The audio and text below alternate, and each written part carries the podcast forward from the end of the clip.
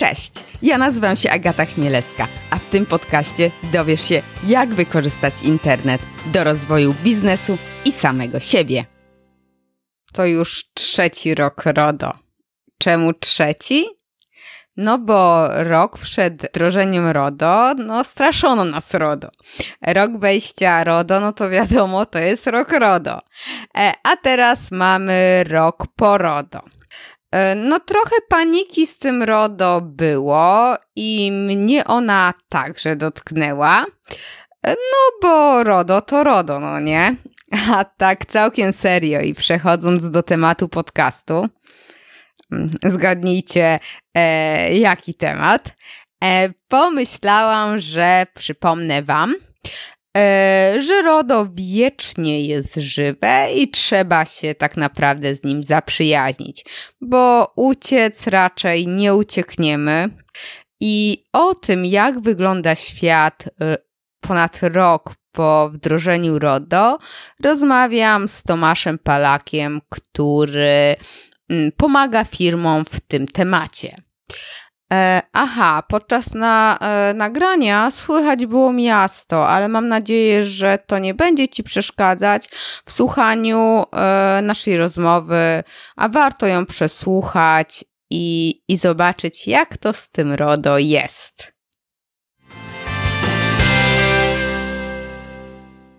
Cześć Tomku, powiedz co dobrego u Ciebie. Wszystko w porządku, cieszę się bardzo, że będzie okazja sobie porozmawiać o aspektach prawnych. Tak, bardzo ciekawych. Y, RODO to jest taki temat, którym cała Polska żyje.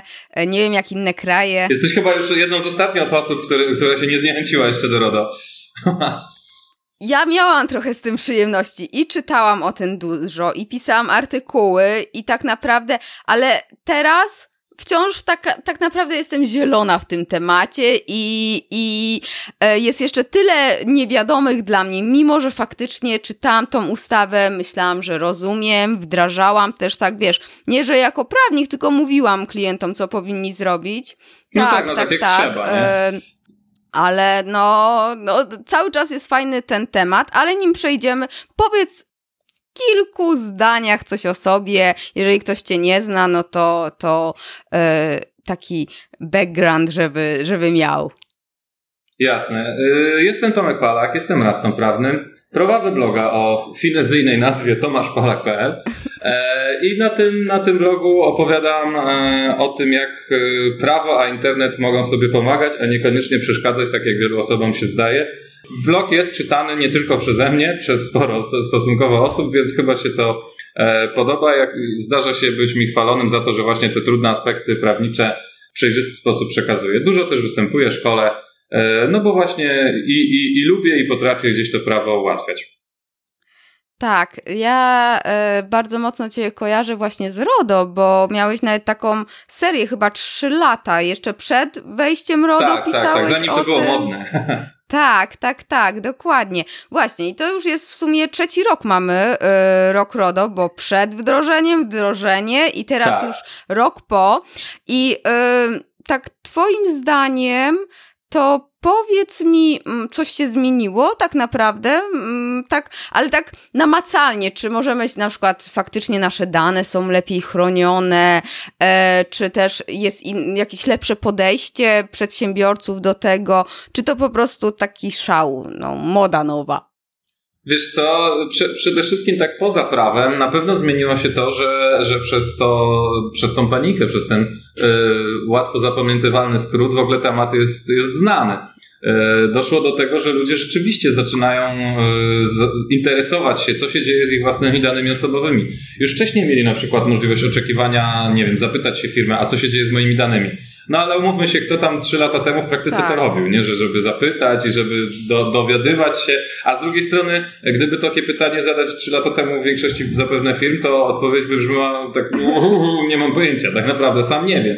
E, więc z drugiej strony, już tak bardziej przechodząc prawnie, e, też uważam, że się zmieniło. O tyle, że firmy e, no co najmniej dowiedziały się, że mogą się tego pytania spodziewać, być na nie przygotowani i co najmniej zaczęły się nad tym zastanawiać. Z mniejszym, z lepszym lub gorszym skutkiem po prostu się tematem obrotu danymi w swoich własnych działalnościach zainteresowały, no a ci, którzy zrobili to kompletnie tak jak należy, to po prostu zadbali o to, żeby sami wiedzieć, jak to tam się dzieje i, i umieć reagować, jeśli czyjaś e, będzie taka wola, żeby się też dowiedzieć, albo nie wiem, być usuniętym, być przeniesionym i tak dalej. E, tak, jak ja też e, obserwuję, to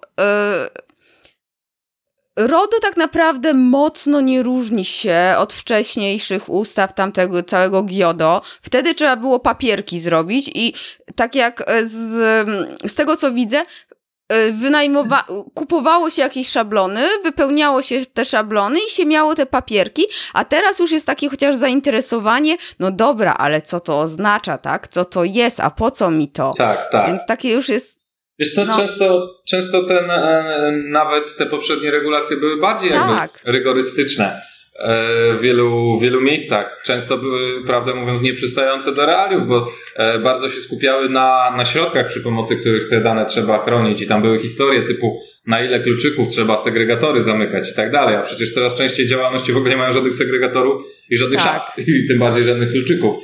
E, więc w RODO też trochę chodziło o to, żeby, żeby tak bardzo nie skupiać się na środkach, żeby te środki sobie przedsiębiorca sam wykombinował. E, I też właśnie dlatego, że sam musiał wykombinować bez żadnych gotowców, e, musiał sobie niejednokrotnie zrobić powiedzmy rachunek sumienia, gdzie ja to trzymam, po co właściwie, czy nie zbieram tego za dużo, czy nie trzymam tego za długo, a jak już go zrobił, ten rachunek sumienia wspomniany, E, no to, no to warto by było gdzieś to, że tak powiem, spapierzyć, nie? Ale, ale kluczowy był właściwie jednak ten, to zastanowienie się i to zwrócenie uwagi na to, że, że jednak to nie jest taka bagatelna rzecz. W międzyczasie jakby RODO pomogło kilka afer typu Cambridge Analytica, e, gdzie też tak. jakby temat danych osobowych nagle się okazał nie taki banalny. E, więc ja uważam, że, że RODO plus Cambridge Analytica i tak dalej zdecydowanie w porównaniu z, ze stanem, no nie powiem rok temu, bo rok temu już RODO było, ale tak półtorej roku temu e, to, to jest znacznie większa świadomość, a ta świadomość e, u tych, którzy mają takie obowiązki przekłada się jednak na też jakieś tam formy wdrożenia, nie? A u tych, którzy nie mają obowiązków, przekłada się na najprostsze rzeczy, że jak dzwoni telemarketer, to bardziej potrafią go spłacić. Tak. A gdybyś jeszcze rozwinął temat Cambridge Analytica, bo nie każdy musi wiedzieć, e, jak to właśnie, bo to chodziło o to, że wypłynęły dane, znaczy Facebook sprzedawał, tak? Dane osobowe. Doszło, doszło do tego, że dane z Facebooka trafiły do, do firmy zewnętrznej y, bez, y, rzekomo bez wiedzy zgody Facebooka, w co mało kto wierzy, no a z pewnością bez y, zgody i wiedzy tych osób, których dane przeszły w ten sposób. E, I te dane były wykorzystywane do robienia takich modeli psychologicznych, gdzie na podstawie e, tych profili te osoby były jakby e, targetowane odpowiedniego rodzaju reklamami, tak? Personalizowane, dopasowane do poszczególnych osób reklamy no i y, jakby dużo się mówi o tym i ja osobiście, prywatnie w to wierzę, że też y, stały te, mm, te dane między innymi za tym, że dobrze poszło w kampaniach Donaldowi Trumpowi i e, Brexitowcom. Okej, okay, no tak, to jest w ogóle mm, to jest fajny temat, jak jak mało jesteśmy, że tak powiem, jak jesteśmy manipulowani też w internecie i yy, tak, tak. I w sumie tak naprawdę nasze dane osobowe są na, no, dla każdego na wyciągnięcie ręki i y, czasem wystarczy po prostu mieć umiejętności y, włamywania się na różne konta, a czasem po prostu pieniądze. I, y, i, i albo to i to, to już w ogóle jest super. No to to jest najlepszy miks dla tego kogoś, kto chciałby manipulować. Tak, no w tej chwili świ świadomość y, była nieduża, nadal nie jest jakaś ogromna, ale w porównaniu wzrosła. E, a przez ten brak świadomości ludzie powierzali swoje dane e, różnym, różnym podmiotom, no co najmniej nazwijmy to podejrzanym. E, dawali, nie wiem, dostęp do, do mikrofonu, na przykład aplikacjom, które służyły do obróbki zdjęć i tak, tak. dalej.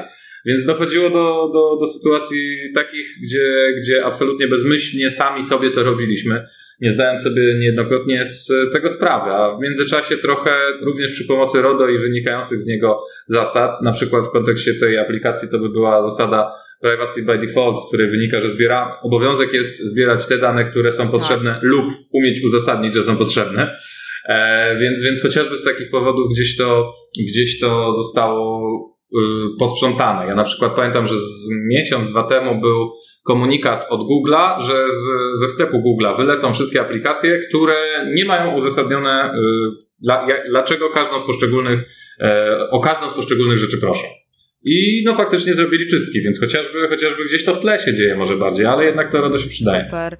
A z Twojego punktu widzenia, e, osoby, która zna się na temacie, ta, ta no, ogromna moim zdaniem panika odnośnie RODO i te absurdy, które się działy, które w internecie można było e, czy to przeczytać, czy to może jakieś żarty były, no ale troszeczkę tego, takich absurdów się pojawiało. Z twojego mhm. punktu widzenia to, to w ogóle e, jak, jak na to patrzyłeś? Czy to, jest to było faktycznie takie straszne i tak wszyscy panikowali, bo, bo to faktycznie jakby tego 25 czy tam 26 miałaby jakaś katastrofa nastąpić. E, podchodzili do tego. Wiesz co, bo po prostu byli tacy, którym się opłacało mówić, że to będzie katastrofa, tak? I eskalować jakby temat, że kary mogą być duże, tak? Te kary, e, ja to zawsze mówię, nie wiem, na szkoleniach czy, czy, czy gdzieś wypowiadając się, e, te kary mogą być duże, ale te górne widełki raczej dotyczą Google'a, Facebooka i tak dalej, tak? Natomiast no, y, po prostu byli tacy, którzy wywietrzyli szansę swoją, gdzieś, gdzieś spróbowali e, straszyć tym RODO, a jednocześnie żerować na tym, że rzeczywiście ludzie oczekiwali wzorów. W związku z tym pojawiły się jakieś gotowce średniej jakości, nieprzystające, e, bo naprawdę właśnie, tak jak mówiliśmy na samym początku, w RODO nie chodziło o to, żeby sobie zrobić parę gotowców, tak? E, pojawiły się jakieś gotowce, jakieś książki, które nie, nie specjalnie pomagały, jakieś e, szkolenia, więc te kary z jednej strony będące dużymi robiły wrażenie, z drugiej strony byli jeszcze tacy, którzy, jak to się mówi, podbijali bębenek. E, z trzeciej strony, oczywiście, jak to zwykle bywa, pomimo, że na to były dwa lata, to wszyscy się obudzili w maju. Tak. I, I po prostu działo się, działo się dużo i to się wszystko nakładało. To, co, to, co ja prywatnie miałem właśnie w ostatnie tygodnie y, przed wejściem, to to była masakra, bo ja po prostu y, w zasadzie co chwilę odpowiadałem na przykład na te same pytania, tak, różnym osobom. Chciałem pomóc i dawałem, dawałem siebie wszystko, potem musiałem wyjechać na tydzień, bo nie mogłem już na to patrzeć, ale e, naprawdę po prostu mm, nie było też jakby jednoznacznych wiele komunikatów e, z jednego tak. spójnego miejsca. E, w związku z tym po prostu ta, ta panika narastała i zadając pytanie można było się spotkać z różnymi, z różnymi odpowiedziami w zależności od tego, co kto sobie tam ubzdurał, mówiąc prost, co kto sobie tam wyczytał, albo co kto sobie nawet uważał, że mu się opłaca, żeby, e, bo na przykład często odpowiedź na to, czy coś jest mi potrzebne, brzmiała tak, a w tle stało kup to coś ode mnie, nie? Tak, tak, tak, tak. No, ja wczoraj rozmawiałam w ogóle e, z niebezpiecznikiem, Piotkiem mhm. E, Koniecznym i, i ja też w sumie ki o kilku rzeczach myślałam, że są obowiązkowe, a tak naprawdę to nie, nie są obowiązkowe, tylko ja faktycznie gdzieś coś łyknęłam, przeczytałam mhm. i zaczęłam w to wierzyć, nie? I wydaje mi się, że wciąż nie ma tego zrozumienia takiego do, do odnośnie RODO zabrakło tej edukacji, nie? Nie było, nie było z tym najlepiej. Właśnie ja tutaj pochwalę właśnie Niebezpiecznik Piotra i jego ekipę. E, ja ich czytam regularnie Też. i rzeczywiście oni robili dobrą, no oni, to bardzo dobry pomysł jest swoją drogą, nie tylko dlatego, że to są ciekawe wpisy, ale po prostu ze względu na własne bezpieczeństwo być regularnym czytelnikiem Niebezpiecznika. E, no i, no i świetną też uważam robili robotę właśnie e, zadając parę pytań do organów, zmuszając je do, do interwencji. Potem po jakimś czasie obowiązywania RODO pamiętam, że zrobili takie taki artykuł, ile tak naprawdę było zgłoszeń, ile naruszeń, to też było ciekawe, e, więc niebezpiecznik fajną tutaj robotę robi e, i na pewno nie niebezpiecznik miałem na myśli, mówiąc o tym, że e, ludzie próbują coś swojego na tym RODO ugrać, tak? Niebezpiecznik po prostu fajnie się, tak. fajnie się zachowuje i zachęcam, żeby tam zaglądać. Tak, tak, tak. No ja dwie godziny rozmawialiśmy w sumie i faktycznie on też... Mm, ja... No to ja chętnie od, odsłucham. Dobrze, da, dam ci znać. Ja myślałam, że jak faktycznie będzie wyciek danych osobowych, to ta firma, od której te dane wyciekną, ma obowiązek poinformować osoby, których dane wyciekły. I y, co niebezpiecznik mnie uświadomił, że jeżeli to są jakieś takie faktyczne, istotne dane, ale to, czy to jest istotne, jakieś no, niebezpieczne, to ta firma, której, od której wypłynęły te dane, decyduje o istotności, o, o niebezpieczeństwie. Jest taki temat, e, przede wszystkim tam się pojawia, mm, o ile, o ile dobrze pamiętam, bo teraz będę starał się cytować przepis, tak, ale ryzyko naruszenia praw lub wolności osób. E, więc trzeba po prostu ewentualnie zrobić jakby wycenę, tak? E, czy tak. istnieje ryzyko naruszenia praw i wolności. No i patrzymy, czy ten, czy, czy rzeczywiście to, to następuje. Gdzieś tam warto się wesprzeć kimś, co to kryć zewnętrznym. E, no i dzięki temu dochodzi do, do tego, że faktycznie niejednokrotnie być może dojdziemy do wniosku, że na przykład no dobra, zginął komputer, ale nikt nie jest w stanie się do niego dostać. Albo zginął komputer, ale tam są imiona i nazwiska i nic więcej, tak? Tak, tak, tak, tak. Piotrek to argumentował na przykładzie artykułów i firm, o których oni pisali, że faktycznie, gdyby oni tego nie opisali, to by tak naprawdę to nie wyszło. Okay. I to jest ciekawe, bo ja wyszłam od tego, że kurczę, Piotrek, o, odkąd RODO weszło, to tak naprawdę e, słyszę o coraz więcej, e, słyszy się właśnie, czy się czyta w internecie, czy u nich mhm. o, o jakichś właśnie wyciekach danych, no i, i on mi tak uświadomił, no okej, okay, bo my o tym piszemy, nie?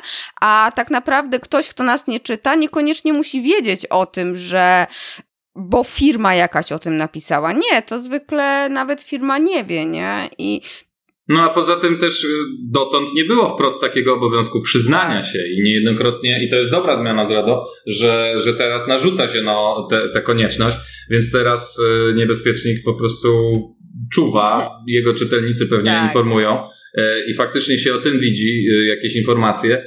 Natomiast to też wynika, oprócz tego, że niebezpiecznik się fajnie rozrasta, z tego, że, że jest o czym pisać, bo po prostu jest obowiązek przyznania się, tak? Faktycznie nasze dane są, no, to co już powiedziałam, na wyciągnięcie ręki i mam wrażenie, że ludzie w ogóle sobie z tego nie zdają sprawy i i tak nawet prowadząc, zobacz, sprzedaż, sklep internetowy, tak? No. To w czym siedzę, to, to są tam takie dane, nawet jeżeli ktoś, ludzie potrafią zapisywać karty kredytowe, nie? Czy to jest bezpieczne, czy no. nie? Ja nie wiem, nie, nie znam się, ale no tak to już dla własnej takiego, nie wiem, snu spokojnego, nie zapisuję już wszystkiego, tylko no tak, więc, więc to jest to. A powiedz mi, bo nie ma tego faktycznie zrozumienia.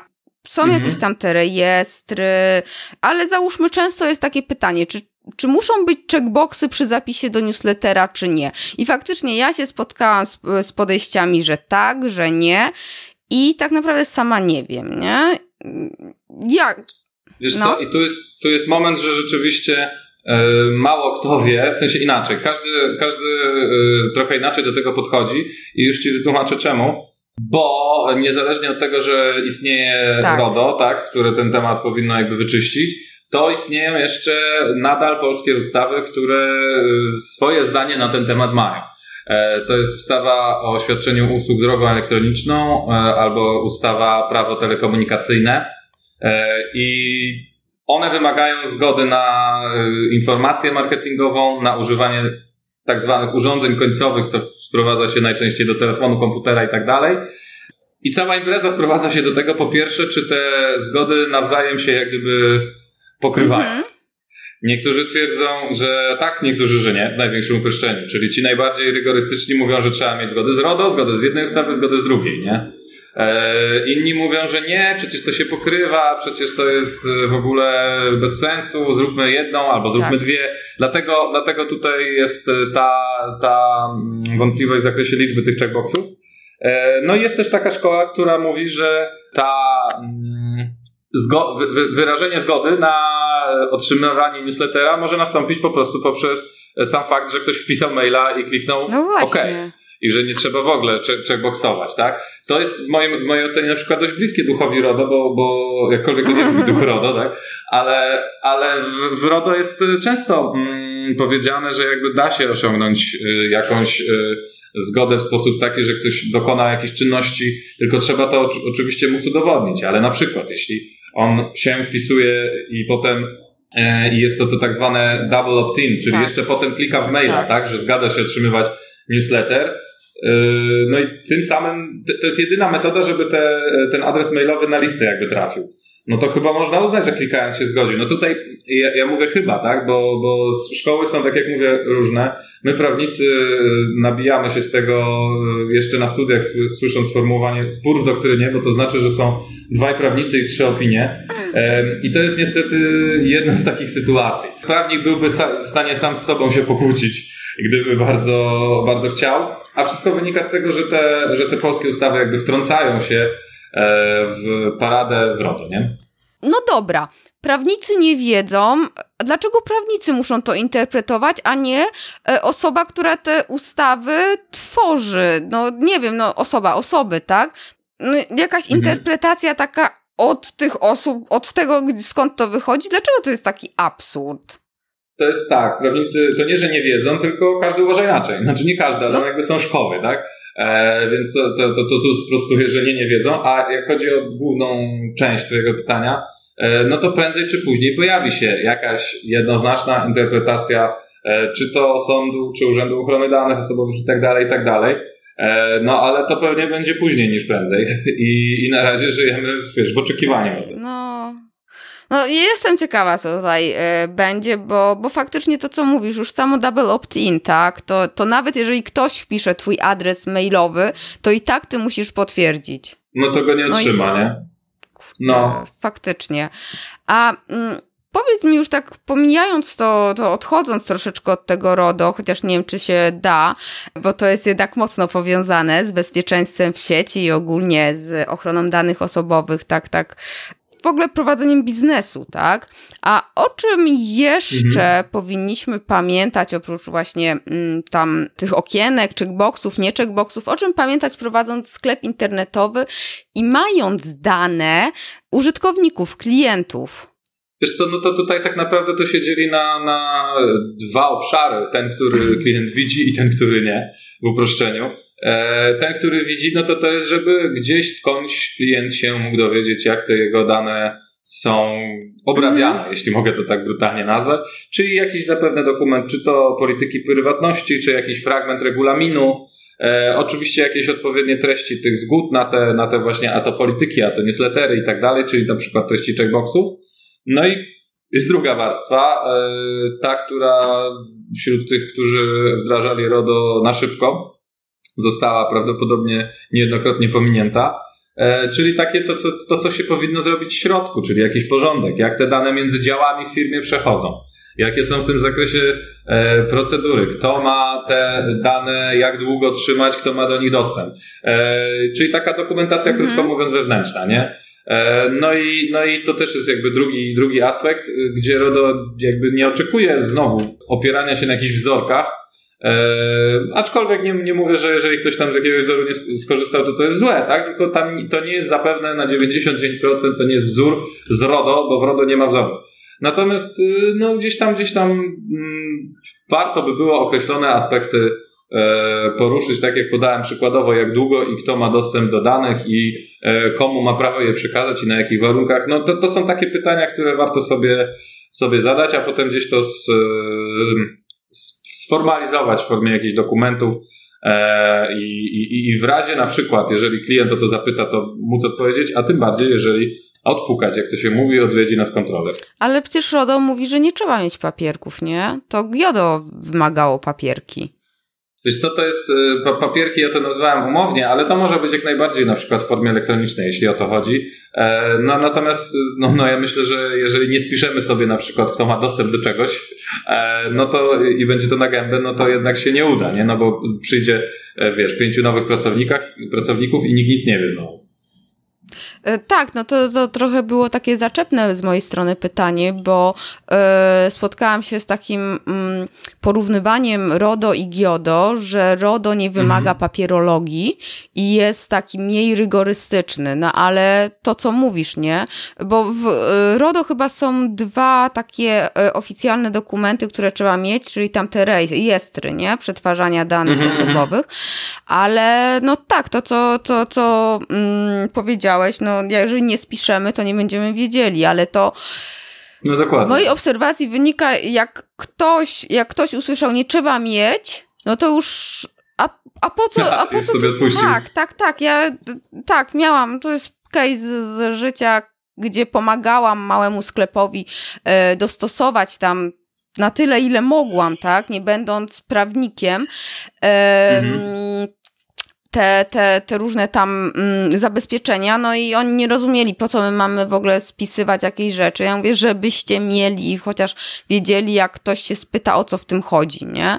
Żeby móc no zaglądnąć. Tak, no tak do tego. No, to, to, jest, to jest y, jakby pewne, pewne minimum, nie? No bo właśnie tak jak mówię, to z kolei z mojego doświadczenia, ja teraz widzę, jak już e, panika RODO opadła, to zgłaszają się do mnie ludzie, e, firmy w sensie i mówią, że dobra, to teraz na spokojnie już zróbmy to, co trzeba było zrobić już dawno. Tak. E, uda, udało nam się obronić przed tym, e, przed tą sytuacją, że, że ten znaczy, przychodzą i mówią, okej, okay, wystraszyliśmy się tego słynnego 25, na 25 zrobiliśmy wszystko na pałę, przypudrowaliśmy, żeby jakoś wyglądało, a teraz zróbmy to tak jak trzeba, pomału i od początku do końca, nie? Więc ja niejednokrotnie mam jakby teraz usługę pod tytułem, ok, zdrap puder i zróbmy to jeszcze raz, albo usługę, e, wcale niestety nie, nie mniej często teraz, e, usługę pod tytułem zrobił nam to jakiś oszołom, albo polecieliśmy na wzorach i trzeba to odkręcić. Tak, tak, tak, tak. A do, doskonale wiem o co chodzi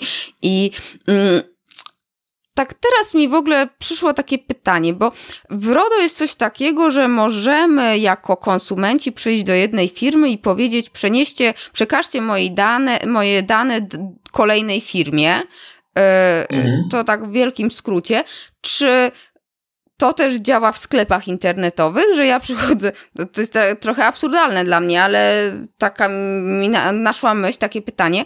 Przychodzę do sklepu A i mówię, halo, halo, przenieście moje dane do sklepu B, czy to już jest po prostu tutaj, popłynęłam fantazją?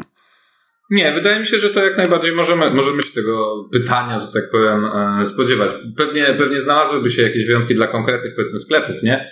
ale, ale tak jakby zasadniczo, no to o to w tym chodzi, że ta osoba może sobie przerzucić te, e, te dane w jakiś taki znormalizowany sposób e, i, i stosunkowo wygodny w, w zasadzie w każdych okolicznościach, nie? Okej, okay, no ale to... Yy to tak naprawdę ta robota przerzucenia danych, czyli to, co założenie konta, to jest przerzucane na sklep.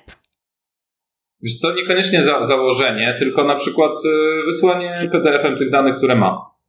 Okay. To o to chodzi. Czyli, okay. czyli przeklejenie z PDF-a to dalej twoja robota. okay. tak, nie? Ale, ale mm, na przykład, jeżeli zejdę na chwilę ze sklepów internetowych, na przykład, Dobra. jeżeli zmieniasz ubezpieczyciela, e, wiesz, z jednego na drugiego e, i trzeba sprawdzić historię twojej wypadkowości twojego auta albo bez wypadkowości, nie? No to to są takie historie. E, albo okay. jeżeli chcesz y, przejść z jednego operatora telefonów do drugiego mhm. i może, może z jakiegoś powodu potrzebny jest, y, nie wiem, billing, tak? To też o takie kwestie chodzi. O tak, najczęściej jednak w praktyce, przynajmniej dotąd z tego co widziałem, to nie jest tak, że, że to ktoś, wiesz, e, żąda tego na złość, tylko że y, po prostu w tych sytuacjach, gdy, nie, gdy to nie są takie podstawowe dane, jeżeli to jest, wiesz, imię, nazwisko i adres, tak jak najczęściej jest w sklepie internetowym, no to chyba bardziej tak. niż robić to zamieszanie, bardziej się będzie opłacało wpisać to od zera, nie? E, chyba, że na złość któremuś sklepowi. Natomiast no jeżeli to są jakby takie aspekty głębsze, albo na przykład e, widywałem przy, e, przykłady skorzystania z prawa do przeniesienia w takiej branży medycznej, że po prostu ktoś mhm. zmienia, wiesz, przychodnie. No i cała historia choroby gdzieś tam musi przejść. No to to są te aspekty, nie? Okej, okay, i to wtedy nie, nie może być płatne? E, nie. Okej, okay, dobra, dobra. Pytam, bo kiedyś też była możliwość, no ale ja na przykład musiałam zapłacić za to przeniesienie, nie? E, właśnie w, w, z jednej przychodzi do drugiej. Mhm. E, więc, więc tak z ciekawości. A właśnie, a były jakieś już kontrole, e, o których słyszałeś takie? Znaczy, ja tam o jednej słyszałam, ale to zupełnie nie, nie branża taka, no, moja, a mhm. czy, nie wiem, właśnie takich masowe kontrole, o tak o spytam. Wiesz co, najbardziej mm, kontrolami się tak ludzie aż nie chwalą. Najbardziej się echem odbiły jednak kary. O karach słyszałaś? E, no o jednej, jednej, ale to już nawet... Dwie były w Polsce, no. O e, jakie? Jedna była za niewypełnienie obowiązku informacyjnego, tak to brzmi, e, czyli, czyli za niepoinformowanie ludzi, że się trzyma ich dane i obraca nimi. Natomiast jest to kara w pewien sposób kontrowersyjna, bo, bo urząd twierdził, że trzeba by wysłać listy fizyczne do, wiesz, tysięcy, milionów hmm. osób, nie? Więc tutaj tamta, tamta firma, która tego nie dokonała, twierdziła, powoływała się na przepis, który też jest w RODO, że jeżeli wiąże się to z niespółmiernymi kosztami, to nie trzeba. No i oni uznali, tak. że to są niespółmierne koszty i cała kara rozbija się o to, czy koszty takie wysokie są współmierne, czy niespółmierne. Wobec tego od tej kary się odwołano i jeszcze, jeszcze jest jakby nieostateczna. Y, gdzie, gdzie jest uznana za dość kontrowersyjną, powiedzmy, w, w środowisku tych, którzy się RODO zajmują, nie?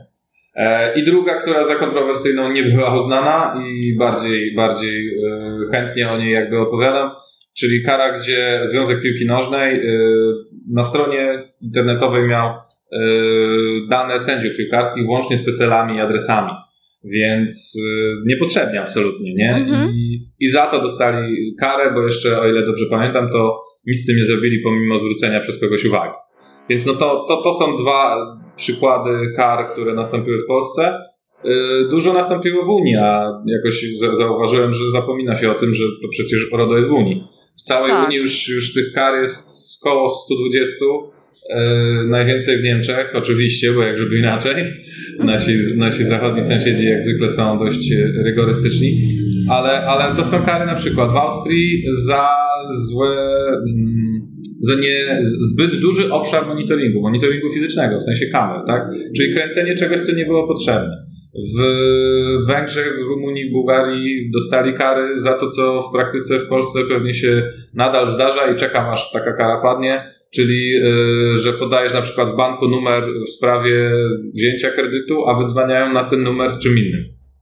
E, tak samo z mailem. E, gdzieś na Cyprze bodajże chyba zrobili tak, że, że w gazecie ujawnili zdjęcie, znaczy na zdjęciu osoby prowadzonej do więzienia dało się rozpoznać policjantów. E, w Belgii kandydat na burmistrza w jakimś miasteczku niedużym z, zaczął spamować, że głosujcie na mnie do ludzi, którzy absolutnie nie w tym celu dali mu maile, tylko do, do, to był dotychczasowy burmistrz, czyli do swoich, nazwijmy to, kontrahentów, nie? Więc za to dostał. No to dzieje się wbrew pozorom, w, w, tylko trzeba patrzeć na to szerzej, unijnie i więcej się pytać jakby o kary, za co, za co się dostało. O, na przykład w szpitalu, jeszcze to powiem, bo to ważne, w szpitalu jednym w Portugalii był, było tak, że lekarze, którzy już nie pracowali w tym szpitalu, mieli nadal dostęp do danych pacjentów.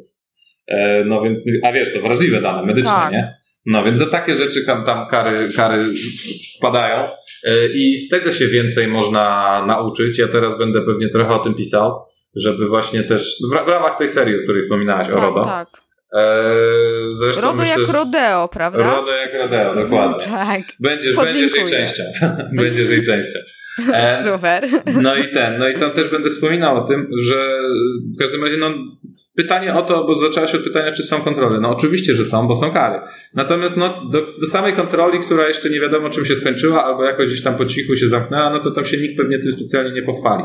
Najwięcej możemy się dowiedzieć um, o, o tym, jak to teraz, jakie są oczekiwania, jeśli będziemy wsłuchiwać się w to, za co kto otrzymał karę, i jeśli będziemy pamiętać, o czym widzę, że się mało pamięta, że te kary są nie tylko w Polsce, bo tylko o tych dwóch się często mówi, a, a mhm. jest zdecydowanie więcej państw w Unii. Wiesz co, ja pytam o Polskę, y, o kontrolę, dlatego że przy Giodo nie było tak naprawdę.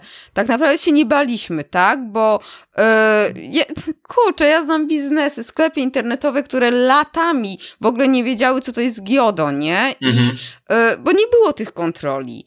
I, I sobie istniały ogromne bazy subskrybentów i tam... Pff, nikt w ogóle nie, się tym nie przejmował, nie? Niespecjalnie czuwali. No wie, wiem o co chodzi, bo też y, faktycznie w praktyce nie, nie słyszało się o tym, że te kontrole się odbywają. Natomiast no teraz znowu to się trochę myślę, że zmienia z tego powodu chociażby, e, że RODO jest głośne i że jednak tak. ludzie słyszą, że ktoś tam dostał karę. Niby jedna firma, niby dwie, E, ale no jednak ktoś, a czemu Tak. nie miałbym to być następno, następny ja?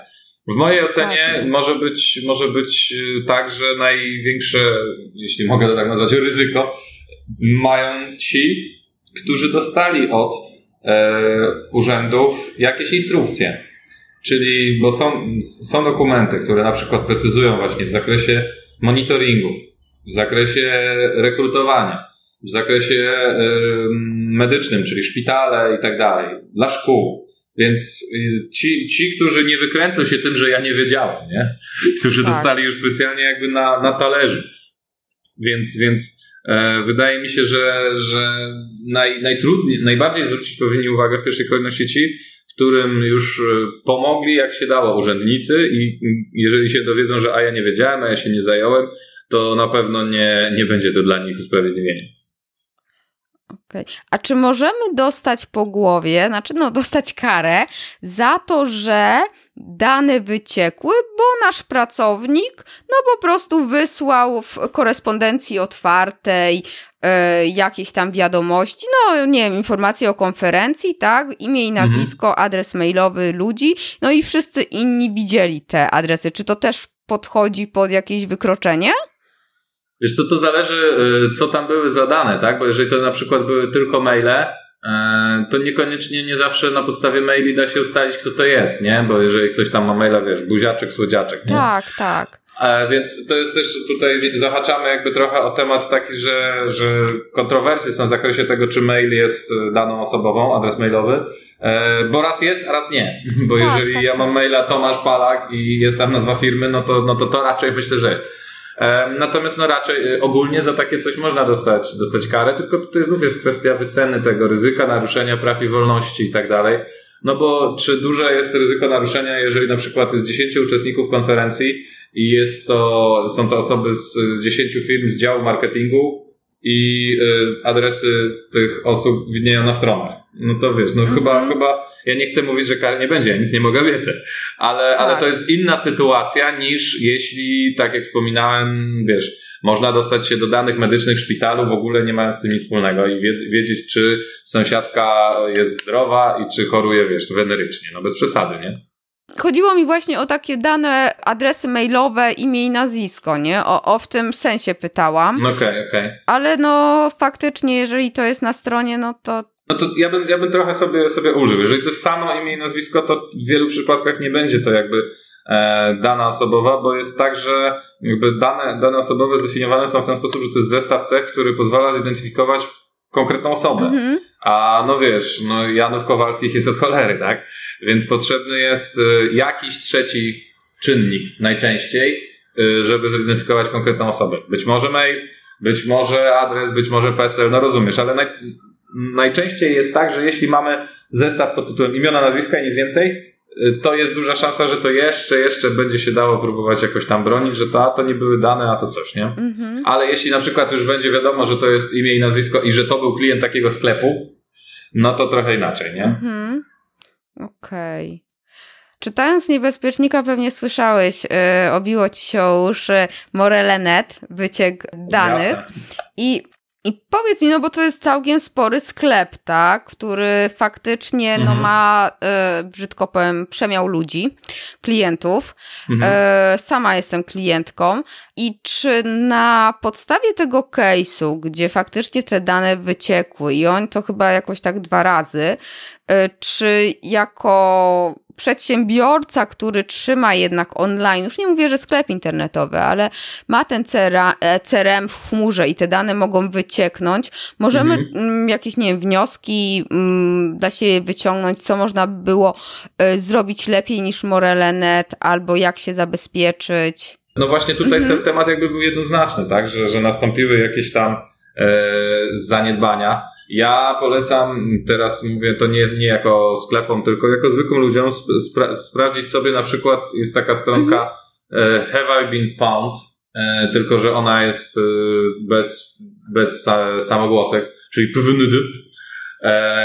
I ta stronka Mhm. wpisuje się tam swojego maila i ona mówi, czy ten mail gdzieś już nie zdążył wyciec, a przede wszystkim, jeśli pojawi się nowy wyciek, tak mi się zdarzyło tydzień temu bodajże, dostałem od niej maila, e, że słuchaj, twój mail, na który się rejestrowałeś na portalu takim i takim, e, bardzo możliwe, że gdzieś tam jednak było, były jaja, ponieważ portal ogłosił. No przecież ja nie wchodzę na każdy z tych portali, wiadomo, żeby sprawdzić. Więc to jest taka forma newslettera informującego tak. o tym, że mogłoby nastąpić jakieś e, zagrożenie. I tym sposobem, e, no co najmniej, jeśli tak e, się robi, a wiem, że wiele osób tak robi i miało się to samo hasło do tego portalu i do maila, który był tam podany, no to żeby to hasło zmienić chociaż, nie? O ile się nie mylę, to nie, nie znamy powodów, dla których ten wyciek nastąpił. E, I, i, I, tylko mogę tutaj posłużyć się takim ogólnikiem, że wiesz, no zabezpieczać jak najlepiej, dawać jak najmniejszej liczbie osób, pilnować, czy ktoś się nie włamał, reagować na to, że ktoś twierdzi, że ma dane. To jest ciekawe, bo e, zauważyłem, że bagatelizowane to jest, a często na przykład e, ktoś się odzywa i mówi, zauważyłem, że macie tutaj błąd. I poprawcie to, ja nie mam złych intencji, zauważyłem, bo, bo sobie to przegrzebuję, nie? A, a olewają, tak krótko mm -hmm. mówiąc, firmy i potem e, ten ktoś, bo się ze złości, albo ten ktoś, bo próbował najpierw lekkiego szantażu, albo ktoś inny, kto po prostu znajdzie ten sam błąd, e, robią im nieprzyjemność, nie? A powiedz mi, bo okej, okay, ja chcę sobie założyć firmkę, nawet ja, taka jednoosobowa działalność gospodarcza, mm -hmm. przetwarzam te dane, nie? Przetwarzam klientów i na przykład dzięki RODO dowiedziałam się, że ja tak sobie nie mogę mieć Gmaila zwykłego, tylko mm -hmm. załóżmy G Suite'a powinna mieć, tak, że to tak, w ogóle tak. jest niezgodne z regulaminem Google'a, że firma miała, nie? To w ogóle było wow. Dobrze mm -hmm. na tym wyszłam, bo mniej płacę dzięki temu, bo dużą przeszczęp potrzebowałam, więc płaciłam trochę okay. za e, drive'a. Teraz mniej płacę i jestem w zgodzie z prawem, więc e, polecam, polecam. Ale powiedz mi, jeżeli ja e, chcę właśnie założyć tą firmę i chcę no, spróbować chociaż być e, trochę zgodna z prawem i przetwarzać te dane po Bożemu, to jak sprawdzić, y, jak wybrać prawnika, radcę prawnego, osobę, która mi wdroży, na co zwracać uwagę, bo tak, dlaczego pytam? Bo załóżmy, jak się wybiera mhm. specjalistę SEO, no to można na to i na to wiesz, taką checklistę sobie zrobić, czy gościu jest e, kompetentny, czy nie. Czy w tym temacie też jakoś możemy sobie tak e, mm, w kontekście, żeby pomógł no, na przykład z RODO, dobrych, tak? Dobrych doradców. No wiesz co, no ja bym zaczął od tego, żeby sprawdzić, czy on się tym tak. nie zajął od miesiąca albo od roku. Bo, bo no, no, co tu kryć, był wysyp specjalistów, yy, specjalistów, mm -hmm. wiesz, w cudzysłowie, którzy narodo zaczęli się znać yy, w momencie, gdy wyczuli w tym po prostu okazję finansową, nie? E, więc sp sprawdzić, jak długo tematem się zajmuje, yy, sprawdzić, tak. e, czy na przykład zajmował się nim wcześniej, zanim jakby te, te rodowite rzeczy się e, zdarzyły. E, popatrzeć, czy jest, wiesz, polecane.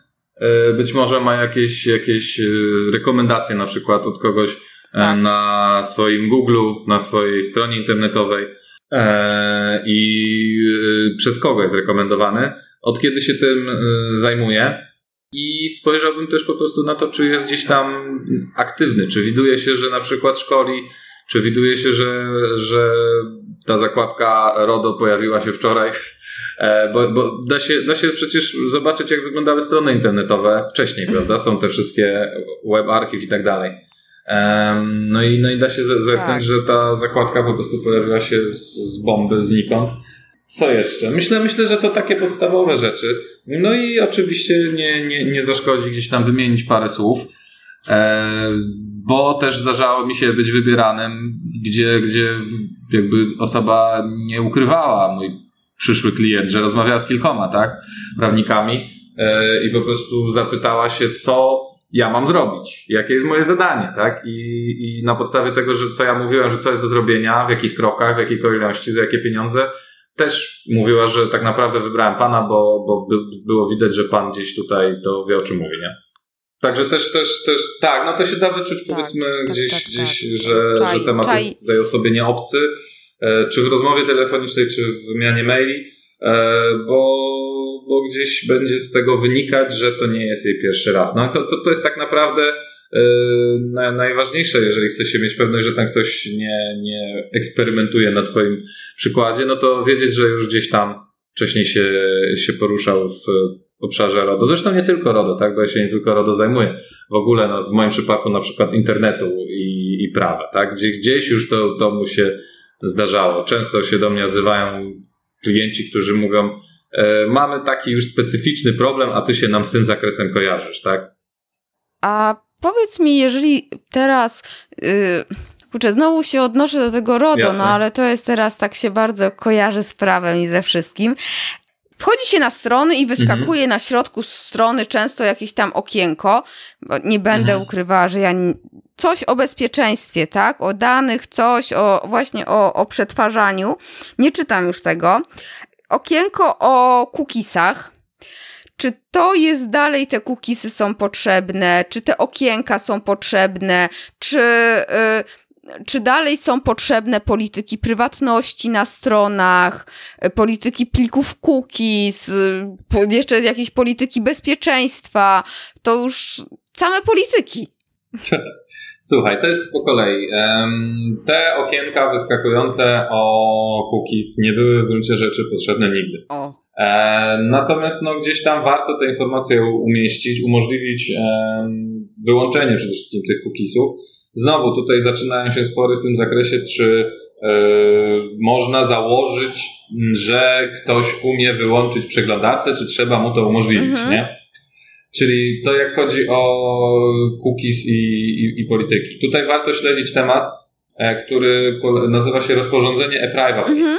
E, ono miało pierwotnie wejść razem z RODO, ale jeszcze, jeszcze jednak Parlament Europejski i cała tamta unijna ekipa poczekała z tym. E, a w e-privacy ma ten temat cookiesów być doprecyzowany. No i między innymi jest tam taki pomysł, żeby można było sobie w momencie wchodzenia na stronę wybrać, jakie rodzaje cookiesów są dla nas ok, a jakie nie. Czyli na przykład nie przeszkadza mi, że tam masz cookiesy statystyczne, ale już bardziej przeszkadza mi, że masz takie, które będą do mnie potem wracać z reklamami, nie? Czyli to, to jak chodzi o cookies. Polityka cookies yy, jako odrębny plik, zakładka nie jest potrzebna, natomiast no gdzieś trzeba to poruszyć. Może to być umieszczone w polityce prywatności. I analogicznie, polityka prywatności też jako odrębny dokument z żadnego przepisu nie wynika. E, natomiast gdzieś ja jako twój klient mam prawo się dowiedzieć, kto jest administratorem danych, czyli kto krótko mówiąc, będzie mój adres trzymał, co z tym adresem zrobi, jak długo będzie go trzymał, po co, komu innemu da. Te informacje muszą się pojawić. Ale może się to pojawić w regulaminie, jeśli ktoś tak woli. Praktyka, praktyka wyszła taka robienia odrębnych dokumentów polityki prywatności, e, bo po prostu to jest jakby obszerny dość fragment regulaminu i może tak jest przejrzyście to po pierwsze, a po drugie już ludzie zaczynają, ci, którzy wo, których w ogóle to obchodzi, zaczynają szukać e, tej zakładki, a nie chce im się w samym regulaminie grzebać.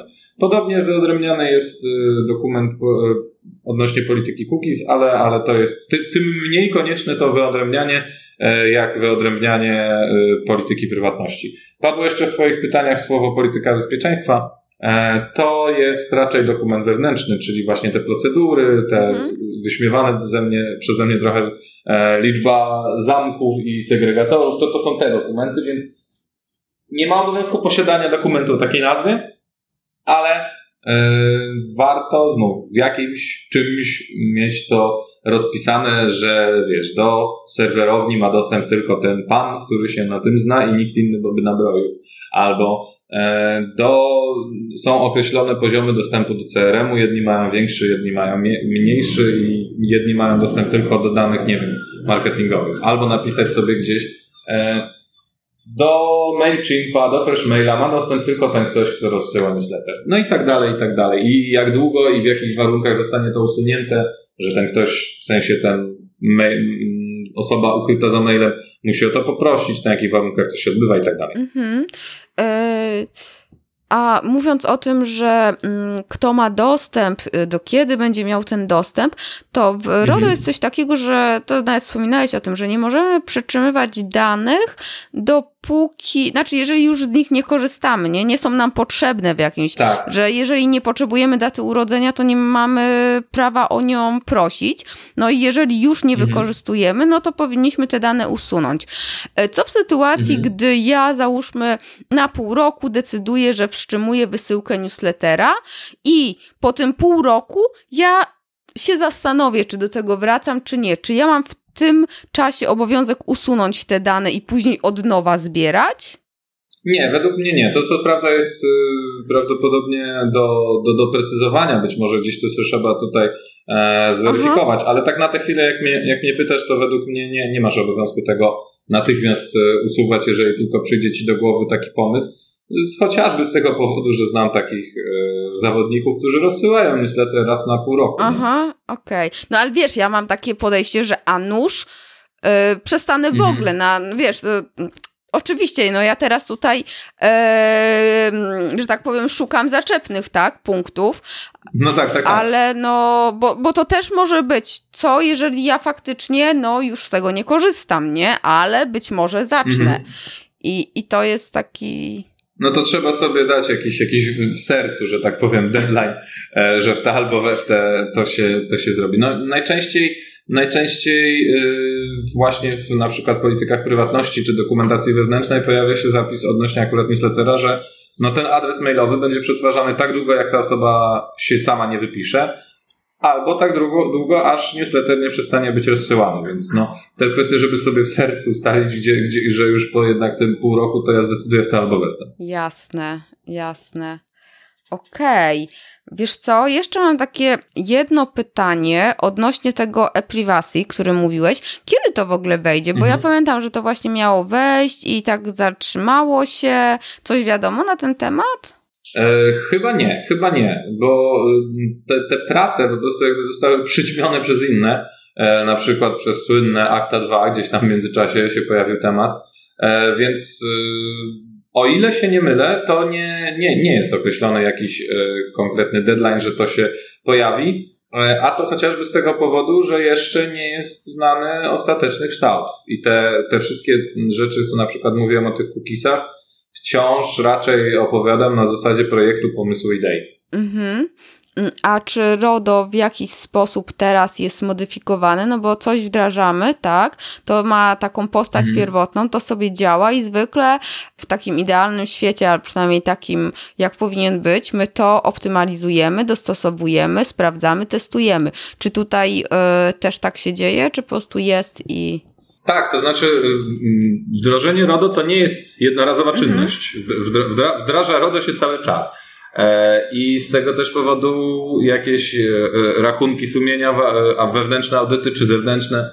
No ja, ja właśnie teraz jestem na etapie audytowania firm, w których już RODA robiłem, mhm. tak? Teoretycznie. Ale teraz patrzymy, jak tam to po tym roku się, się wydarzyło, czy coś nie, nie warte jest zmienienia i tak dalej. Także mm, bycie dopasowanym do RODO to jest działanie nieustanne. Z tego też powodu właśnie ja nawet niejednokrotnie zniechęcam do tego, żeby to było na papierze, bo to są jakieś papiery, potem są zamknięte w szufladzie u prezesa na klucz. Gdyby odpukać przyszła kontrola, to się wyjmie. No to nie o to nam tutaj chodzi, tylko chodzi o to, żeby, żeby cały czas bezustannie do, doprowadzać do, do modyfikacji na lepsze tej, tej dokumentacji. Ja zdaję sobie sprawę, że to nie jest coś, czym na bieżąco przedsiębiorcy żyją, żeby tylko tak sobie, tak. a dzisiaj sobie znowu do, dopasujemy RODO. Ale chodzi o to, że jeśli na przykład zdecydowaliśmy, ej dobra, przenosimy się z naszym newsletterem do innej firmy, no to żeby się zastanowić, co w związku z tym. Albo jeśli na przykład zdecydowaliśmy, będziemy rozdzielać naszą działalność na dwa produkty i te produkty będą sprzedawane pod innymi domenami i inaczej będą się ludzie rejestrować, być może znów z tego coś wynika, tak? Albo na przykład zmieniliśmy siedzibę fizyczną i tam w tej poprzedniej e, była, były drzwi jakieś antywłamaniowe i był ochroniarz, a tutaj nie ma. No i może też warto by się zastanowić co i jak. Więc żeby po prostu takie sobie czasem pytania zadać, jeżeli jest okoliczność, albo jeśli tej okoliczności nie ma, to żeby po prostu sobie ustalić, że raz na jakiś czas rzeczywiście ktoś z zewnątrz przychodzi i zawraca głowę i zadaje pytania, których nikt sobie nie zada, bo to przecież było dla nas oczywiste. To, to jestem często ja. Ja jestem tą osobą, która z zewnątrz przychodzi i zadaje pytania, które tylko teoretycznie są głupie. Nie? Tak, tak, tak. A samo RODO też coś się zmieniło, czy nie? Czy to właśnie zostało wdrożone i jest cały czas tak i, i nie musimy śledzić y, ewentualnych zmian? Dokument, dosłownie dokument, jakim jest RODO, prawdopodobnie nie będzie zbyt mocno się zmieniał i się raczej to, to e, dotąd nie stało i nie stanie, ponieważ to jest taki dokument dość ogólny.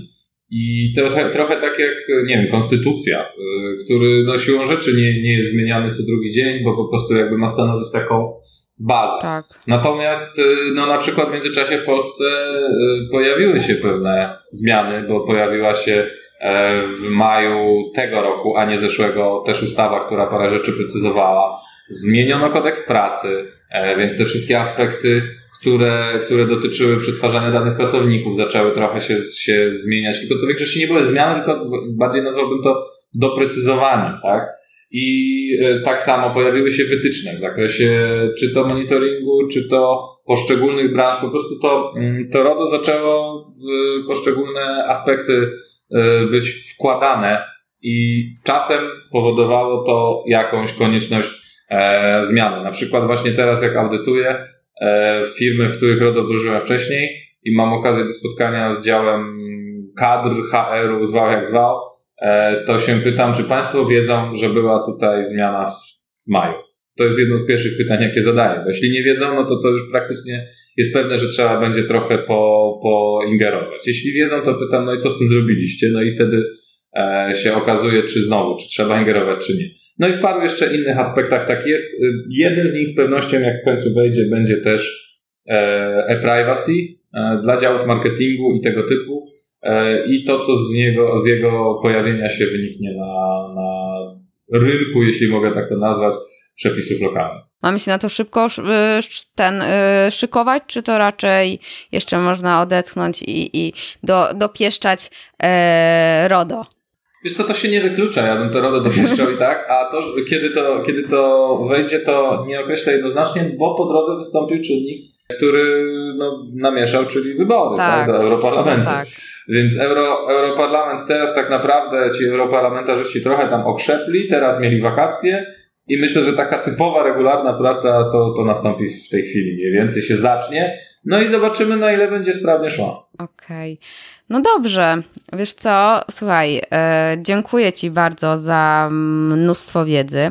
Powiedz mi jeszcze, skąd czerpać wiedzę, oprócz oczywiście Twojego bloga, ja podlinkuję i do tej całej serii RODO Super. jak Rodeo i, i do innych miejsc w sieci. A e, gdybyś jeszcze tak e, miał powiedzieć, czy są jakieś takie miejsca, nie wiem, podcasty, YouTube, książki, e, gdzie faktycznie osoby, które chcą to zrozumieć, mogą po prostu mhm. szukać informacji. Ale masz na myśli właśnie dane aspekty te, te RODO, tak? Tak, czy, czy, czy tak RODO, RODO. Już. Wiesz co, fajny, fajny wpis o RODO, wpisy o RODO jest na blogu Wojtka mhm. Ważaka, to też jest radca prawny, blog nazywa się Prakreacja. E, fajnie, fajnie gdzieś te aspekty RODO właśnie od strony bardziej technicznej porusza nie tylko niebezpiecznik, ale też na przykład e, Sekurak czy zaufana trzecia strona. Mhm. E, z podcastów to polecam, e, polecam e, Mała Wielka Firma. Tak. Tam jest mnóstwo ciekawej wiedzy, nie tylko, nie tylko z tego aspektu. Aczkolwiek jak chodzi o RODO i Mała Wielka Firma, to w sumie to tam było spotkanie ze mną, więc, więc jakby wracamy do, do punktu wyjścia. Ale, ale tam chyba też było, było jeszcze raz z kimś, z kimś innym. Jak chodzi konkretnie o e-commerce, to też pamiętam, że zaprosił mnie kiedyś Rahim Black z Idron, żeby też o tym porozmawiać. E, więc jest z tego, z tego live. Myślę, co jeszcze. Najtrudniej mi odpowiedzieć na ten aspekt, spytałeś o YouTube'a, bo, bo ja sam y, aż tak na YouTubie w roli, w roli naukowej, przyznam się, nie bywam, bo nie, nie, niekoniecznie oglądam obraz, o tak, tak. powiem, nie? Albo, albo, czyta, albo czytam, albo słucham, robiąc coś innego, na przykład, nie wiem, zmywając naczynie. Tak. Więc y, YouTube, YouTube u mnie najrzadziej występuje w roli źródła, źródła konkretnej, konkretnej wiedzy i, i tak naprawdę w kontekście RODO nie wiem, czy są jacyś e, youtuberzy, którzy mogliby się tutaj przydać. Z dużym wyjątkiem w postaci e, osoby, która była odpowiedzialna w Polsce za wdrożenie RODO, czyli e, pana Macieja Kaweckiego, który do, do, dokładnie pracował w tak. Ministerstwie tak. Cyfryzacji i dokładnie przed chwilą skończył być osobą za to odpowiedzialną, a został dziekanem WSB powstającego w Warszawie. E, I on po prostu, no, no z, pozycji, z pozycji osoby, która jakby musi przełożyć RODO na Polskę, e, miewał live'y, miewał jakieś wywiady, też na, na stronie urzędu są e, transmisje, więc to jest, to jest postać, która na pewno bez, bezapelacyjnie na temacie się zna. a jednocześnie, co, co jest ważne, nie jest w momencie, nie była przynajmniej, bo teraz będzie pracować w kancelarii, ale nadal jakby jako ekspert zewnętrzny, nie była to nigdy osoba, która jakby miała jakikolwiek interes w tym, żeby kogokolwiek nastraszyć i tak dalej. To nie był ten typ osoby, o którym mówiłem na początku, bo to po prostu był urzędnik, tak. nie?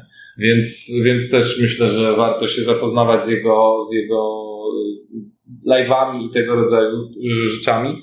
No i właśnie, jak już to powiedziałem, to też nie można pominąć, bo bardzo dobrym źródłem, i to jest jeden z wyjątków wśród polskich urzędów, ale bardzo dobrym źródłem wiedzy na ten temat jest po prostu strona Urzędu Ochrony Danych Osobowych e, gdzie są te wytyczne o monitoringu wspomniane przeze mnie, gdzie mm, są podpowiedzi dla rekruterów, gdzie, gdzie, gdzie te dokumenty e, powstające są, są napisane przejrzyście, gdzie są też transmisje E, właśnie jakichś, jakichś konferencji i tak dalej i, naprawdę sam z tego czerpię wiedzę, więc myślę, że warto, warto korzystać. Tak, no e, tutaj e, dobrą robotę zrobił pan Kawecki i też właśnie czytam, że, że zmienia swoją ścieżkę kariery. Zgadza się. Tak, ale faktycznie dobrą robotę robił i on tak troszeczkę też rozszerzył świadomość tego w społeczeństwie, a także te wszystkie absurdy próbował wyjaśnić, wytłumaczyć i, i się z nimi... Tak, on, on właśnie też robił tę robotę, że, że irytowało go, jak, jak niektóre rzeczy zostawały bezsensownie, absolutnie